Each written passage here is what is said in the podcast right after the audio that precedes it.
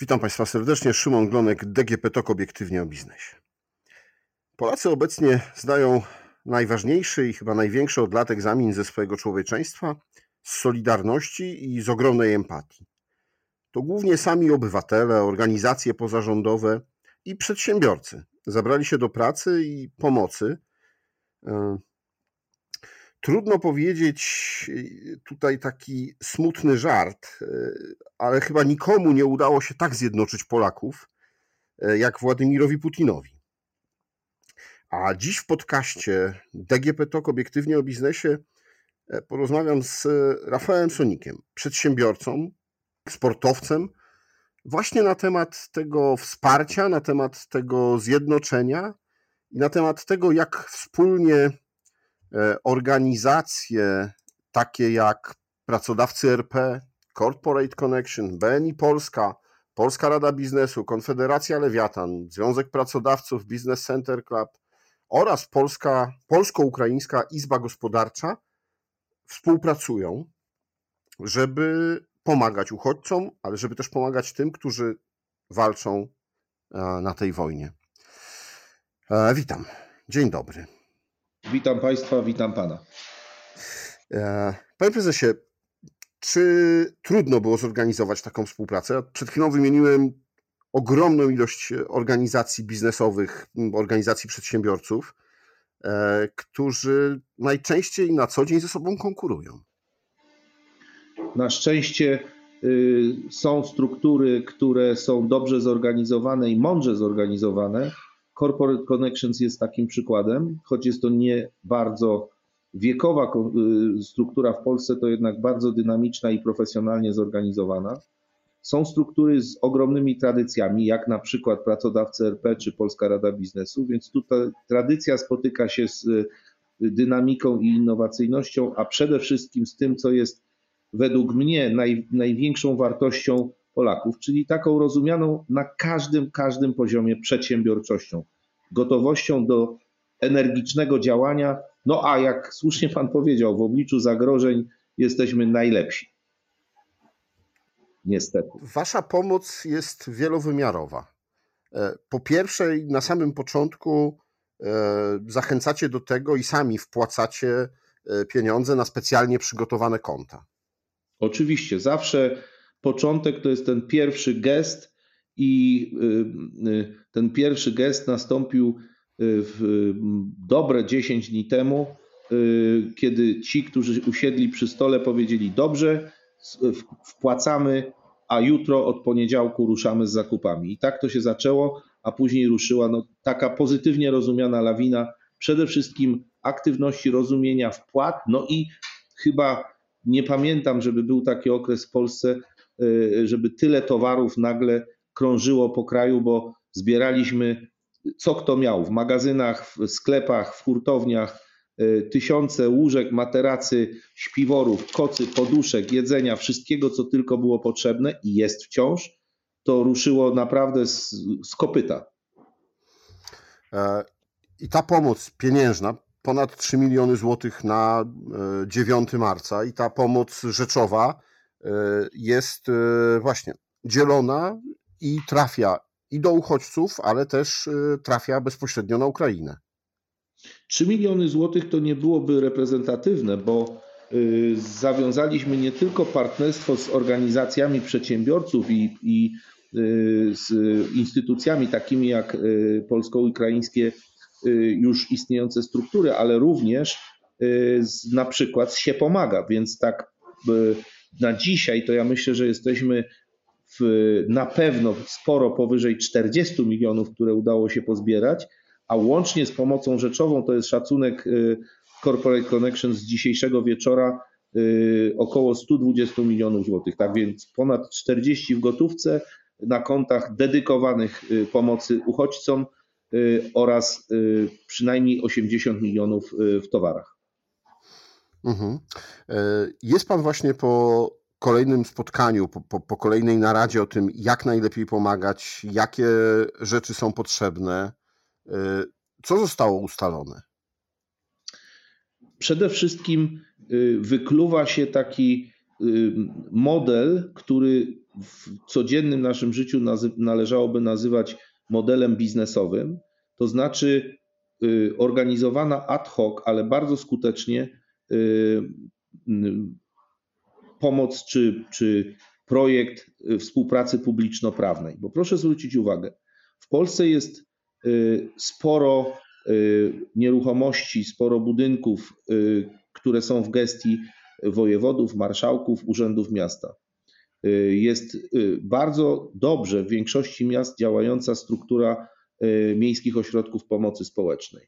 Ale te dwie instytucje, nawet razem, czyli gminy, samorządy i MOPSy, nie mogliby bezprzetargowo w krótkim czasie wyposażać obiektów, które bardzo często są, tak jak w naszym przypadku, wyposażone wprawdzie w lampy, czy kaloryfery, czy Y, y, łazienki, ale niestety zupełnie puste, bez łóżek, y, bez niczego w środku. Najczęściej tak właśnie jest, więc decyzje o tym, żeby wyposażyć te obiekty, wyposażać i zaopatrywać, mogły być tylko w rękach przedsiębiorców, decision makerów, którzy mogą działać z dnia na dzień, uruchamiać zarówno budżety, jak i wszelkie inne rodzaje środków, którymi dysponują, no bo nie obowiązują nas w takim okresie szczególnie Y, i szczególnie firmy prywatne procedury przetargowe. Podejmujemy decyzję tu i teraz, jeżeli kupujemy tysiąc łóżek, czy tysiąc materacy, czy tysiąc śpiworów, to kupujemy je w najlepszych warunkach na rynku, ale decyzje są z godziny na godzinę. I rozumiem, że to jest teraz y, najpilniejsza rzecz, którą będziecie się zajmować, czyli znaleźć y, lokale, które możecie wyposażyć do których możecie wstawić właśnie łóżka, materace czy inne niezbędne rzeczy. Tak, nie tylko znaleźć lokale, ale znaleźć ludzi, bo przecież to, są, to się stają bardzo szybko żywe organizmy. Dam przykład. E, w, w sobotę Urząd Miasta zdecydował, ostatnią sobotę Urząd Miasta Krakowa zdecydował o przekazaniu na ten cel jednego z budynków kompleksu, kompleksu szpitalnego który to szpital powstawał wiele lat i był już przestarzały dość na te obecne standardy, został przeprowadzony na obrzeża miasta do zupełnie nowego kompleksu, a w tym pozostałym kompleksie, dokładnie z tym, co opowiedziałem przed momentem, puste budynki, ale wyposażone w y, ogrzewanie, y, oświetlenie i y, wodę, zostały w takim tempie wyposażone, że w sobotę przekazali nam czerwoną chirurgię na Kopernika, duży budynek na kilkaset, dla kilkuset osób, w poniedziałek dostaliśmy klucze, w niedzielę zostały przeprowadzone formalności, w poniedziałek dostaliśmy klucze, we wtorek weszliśmy do obiektu z pierwszymi już listami i założeniami, a dzisiaj przyjęliśmy pierwsze 150 osób. Jako przykład. Mhm. No, to byłem jest tam, rzeczywiście. Byłem, byłem tam parę godzin temu. Byłem przekonany, że to dopiero jutro uda nam się przyjąć ludzi ale na dworcu w Krakowie i na wielu innych dworcach jest taka ilość naszych, przepraszam za słowo, klientów, przede wszystkim matki z dziećmi, bo 80% y, tej migracji obecnej to, jest, to są matki z dziećmi, z babciami, z ciotkami, to są starsze osoby, mężczyźni, kobiety, to są ci ludzie, którzy w pierwszym y, odruchu y, są wysyłani za granicę krajów, w którym toczy się wojna.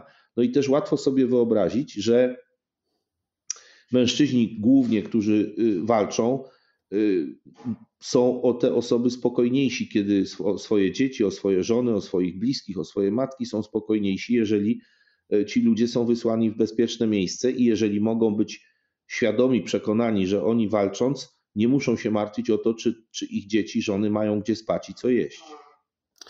Tak, rzeczywiście rozmawiałem z jedną uchodźczynią z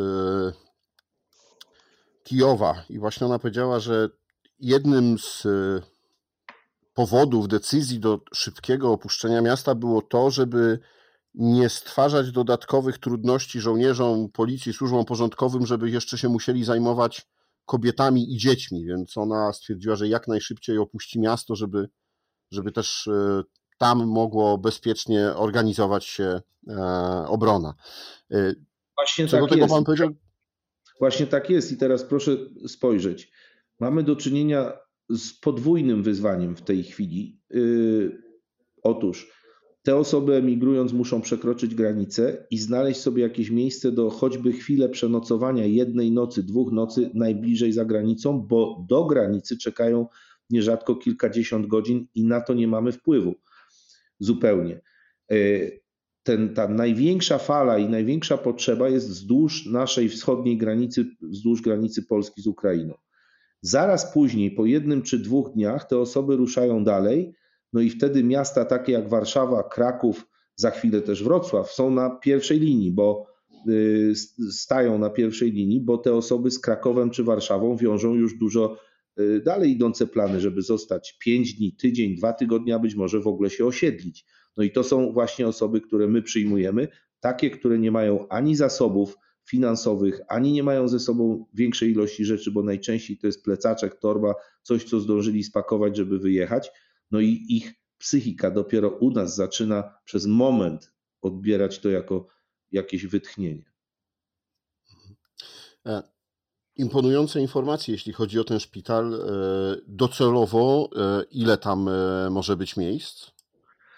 W tej chwili mamy y, niespełna tysiąc miejsc tam, no ale rozmieściliśmy ludzi również w innych ośrodkach na terenie Krakowa, na przykład w szkole pożarnictwa, no, to już jest dużo więcej miejsc. Mamy kolejne wydziały, które będziemy zagospodarowywać w następnych dniach, ale też mamy y, dwa obiekty komercyjne, które już nie funkcjonują, które są w takiej fazie przejściowej, już nie ma tam galerii na przykład, a będzie, będą inne obiekty. Ten obiekt stoi jeszcze y, do zagospodarowania, zupełnie pusty. Tam urządziliśmy magazyny i za kilka dni przyjmiemy tam też kilkaset osób, może nawet więcej.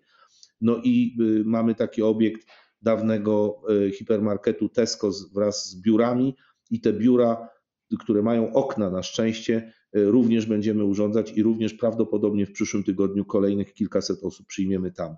Jeśli to mimo wszystko będzie za mało. Na pewno gmina Kraków przeznaczy kolejne obiekty, być może również po tym kompleksie szpitalnym y, na y, kolejne nasze y, centra pomocy uchodźcom. Teraz mierzymy się z tym wyzwaniem, że ci ludzie tutaj przyjechali i no i właśnie potrzebują takiej pierwszej pomocy, takiego pierwszego wsparcia, spokojnej nocy, coś zjeść, zaopatrzenia w jakieś podstawowe rzeczy do ubrania, ale za tydzień, dwa, a może nawet y, i, i szybciej, e, no oni też będą myśleli o tym, co dalej, co z ich przyszłością. Nie tylko, ale i my myślimy o tym i właśnie ta wideokonferencja dzisiejszego wieczora w dużej części była temu poświęcona, jak najlepiej yy, stymulować czy inspirować te osoby do takiej świadomej już migracji, bo u nas te osoby odzyskają siły, odzyskają wigor bezpiecznie, w bezpiecznych okolicznościach. Mnóstwo dzieci od, po raz pierwszy się może uśmiechnąć. Ja byłem w każdym z tych obiektów wielokrotnie i zwracałem uwagę właśnie na dzieci szczególnie. Rodzice, matki, babcie są spokojniejsze, a dzieci się bawią i po raz pierwszy od wielu dni się uśmiechają. Grupy, które do nas przyjeżdżają, wiele osób mi to mówiło, po raz pierwszy mogą się wyspać do woli, y, bo y, ich tułaczka gdzieś nawet ze wschodniej Ukrainy, z Hersonia, z Mariupola, y, trwała wiele dni. Spali w bunkrach po drodze, spali niestety w samochodach, w autobusach i pod gołym niebem, albo u osób życzliwych. No ale to jest po prostu ucieczka, to jest eksodus. U nas po raz pierwszy mogą się wyspać, najeść, dostają owoce, dostają gorące picie, mogą po raz pierwszy usiąść do zorganizowanych przez nas komputerów, stanowisk komputerowych, gdzie mogą nawiązać kontakt z bliskimi czy też ze światem. Mhm. Ale jeśli już zaczną myśleć o tej przyszłości, no to tutaj wasze organizacje też zaczęły przygotowywać bazę miejsc pracy. Tak, choć, choć, choć to jest w powijakach, to tak. Na szczęście zareagowali ci, którzy mają już jakieś przygotowane mechanizmy. OLX i wiele, OLX na przykład, wiele innych portali jest już y, no, dość dobrze zorganizowanych i ta organizacja ewoluuje w błyskawicznym tempie. Tak więc y, my wysyłamy już pierwsze grupy do Austrii, do Niemiec, ale przecież nie możemy naciskać, prawda? Nie możemy komuś, kto dwa dni temu przyjechał do nas, powiedzieć: Słuchaj, jutro musisz wyjechać albo w tym tygodniu, no bo przecież te decyzje nie mogą być pochopne. One bardzo często dotyczą długiej przyszłości tych młodych ludzi, dzieci i ich opiekunów. Mhm. Jak pan myśli, ile z nich może zostać w Polsce na dłużej e, i jak nasz rynek pracy, ile nasz rynek pracy może wchłonąć, brzydko mówiąc, e, tych osób i, i zapewnić im właśnie pracę i godne życie? Większość. Większość z tych kilku milionów, bo dzisiaj nasze szacunki gdzieś obracają się między 3 a 5, 3 a 6 milionów. Większość z tych osób zostanie w Polsce z powodu y, choćby tego, że ich krewni wcześniej już w Polsce pracowali, głównie mężczyźni, oni teraz wracają na Ukrainę. To są znane obrazki z granicy, kiedy kobiety z dziećmi przekraczają granicę na zachód, czyli jadą z Ukrainy, uciekają z Ukrainy i jadą do Polski, a ich mężowie, y, kuzyni jadą z, gdzieś z Polski i z innych krajów, w których pracowali, z powrotem na Ukrainę, żeby walczyć. Więc y, zakładamy, że większość na pewno zostanie w Polsce. Część pojedzie i będzie migrować dalej, ale większość zostanie w Polsce, w szczególności dzieci i młodzi ludzie. A jeśli ktoś z przedsiębiorców słucha nas teraz i chciałby się dołączyć, jak może się zgłosić, jak może zaoferować swoją pomoc? E, macie jakieś centrum koordynacyjne? Oczywiście, choć to jest y, wszystko w fazie takiej, z takiego gigantycznego startupu podzielonego na różne branże i na różne dziedziny potrzeb, z którymi się mierzymy organizujemy się pomalutku. Najlepiej, najlepiej myślę, y, jeżeli ktoś w ogóle nie jest w tym systemie, to y, zgłaszać się do organizacji przedsiębiorców, e, takich jak Corporate Connections, czy takich jak Business Center Club, czy, czy pracodawcy RP właśnie, bo to momentalnie pozwala na zafunkcjonowanie w którymś z już tworzących się, istniejących i tworzących się i błyskawicznie, jak powiedziałem, ewoluujących systemów. To jest najlepsze. Ja nie chciałbym y, kierować uwagi słuchaczy konkretnie w stronę tego naszego projektu, który jest takim trochę modelowym na tym etapie. Y, oczywiście chętnie udzielę wszelkich informacji o tym, co robimy, jak robimy i jak można pomóc, czy jak można się włączyć. Natomiast no, super ważne jest to, żeby, żeby w miarę możliwości rozprowadzać ten, ten ruch, prawda? Czyli dużo cenniejsze na dzisiejszym etapie jest to, żeby przedsiębiorca z Gliwic czy z Opola y, pomagał y, w strukturach, które są lokalne, właśnie z gminą, z MOPS-em, z NGO-sami lokalnymi, bo to wtedy jest dużo trwalsze i mniej pary idzie w gwizdek, przepraszam za takie potoczne sformułowanie. Czyli najlepiej, jeśli e, wszyscy będziemy pracowali na swoich małych podwórkach, e, w swoich lokalnych ojczyznach. Tak, zdecydowanie. Ten model, o którym powiedziałem, gmina daje obiekt, e, Miejski Ośrodek Pomocy Społecznej pierwszą organizację, lokalny NGO, który z reguły współpracuje z MOPS-em czy z gminą od dawna, daje wiarygodność i taką i, i taką transparentność i, i y, swoje mm, umiejętności, które już przez te lata najczęściej NGOsy zgromadziły i do tego prywatni przedsiębiorcy, którzy potrafią podejmować decyzje i robić właściwie wszystko to, co jest w danym momencie konieczne w najszybszy i najsprawniejszy sposób. No dobrze, proszę Państwa, więc e, bierzmy się wszyscy do pracy i pomagajmy, bo naprawdę duże wyzwanie przed nami. A ludzi będzie jeszcze cały czas przybywało. Dziękuję panu bardzo za rozmowę. Dziękuję. Mój numer, jest, y, mój numer telefonu jest y, powszechnie znany, ja go nigdy nie ukrywałem. Jeżeli ktoś ma jakiś konkretny problem, konkretne pytanie, to właściwie przez 20 godzin na dobę w ostatnich dwóch tygodniach y, wysyłam informacje, otrzymuję informacje, łączę, montuję mechanizmy i takich jak ja jest oczywiście więcej, ale Zapraszam, proszę bardzo, można do mnie y, na WhatsAppie napisać, zapytać. Ja się bardzo szybko, w ciągu kilku, kilkunastu godzin zwykle zgłaszam i, i rozwiązuję, czy pomagam rozwiązać jakieś wyzwanie. Oczywiście wszystko przy założeniu, że mamy nieograniczoną dobrą wolę, ale myślę, że właśnie to w ostatnim czasie Polacy pokazali. Proszę Państwa, moim i Państwa gościem był Rafał Sonik, przedsiębiorca, sportowiec e, i człowiek, który ma duże pokłady dobrej woli. Dziękuję bardzo. Dziękuję bardzo.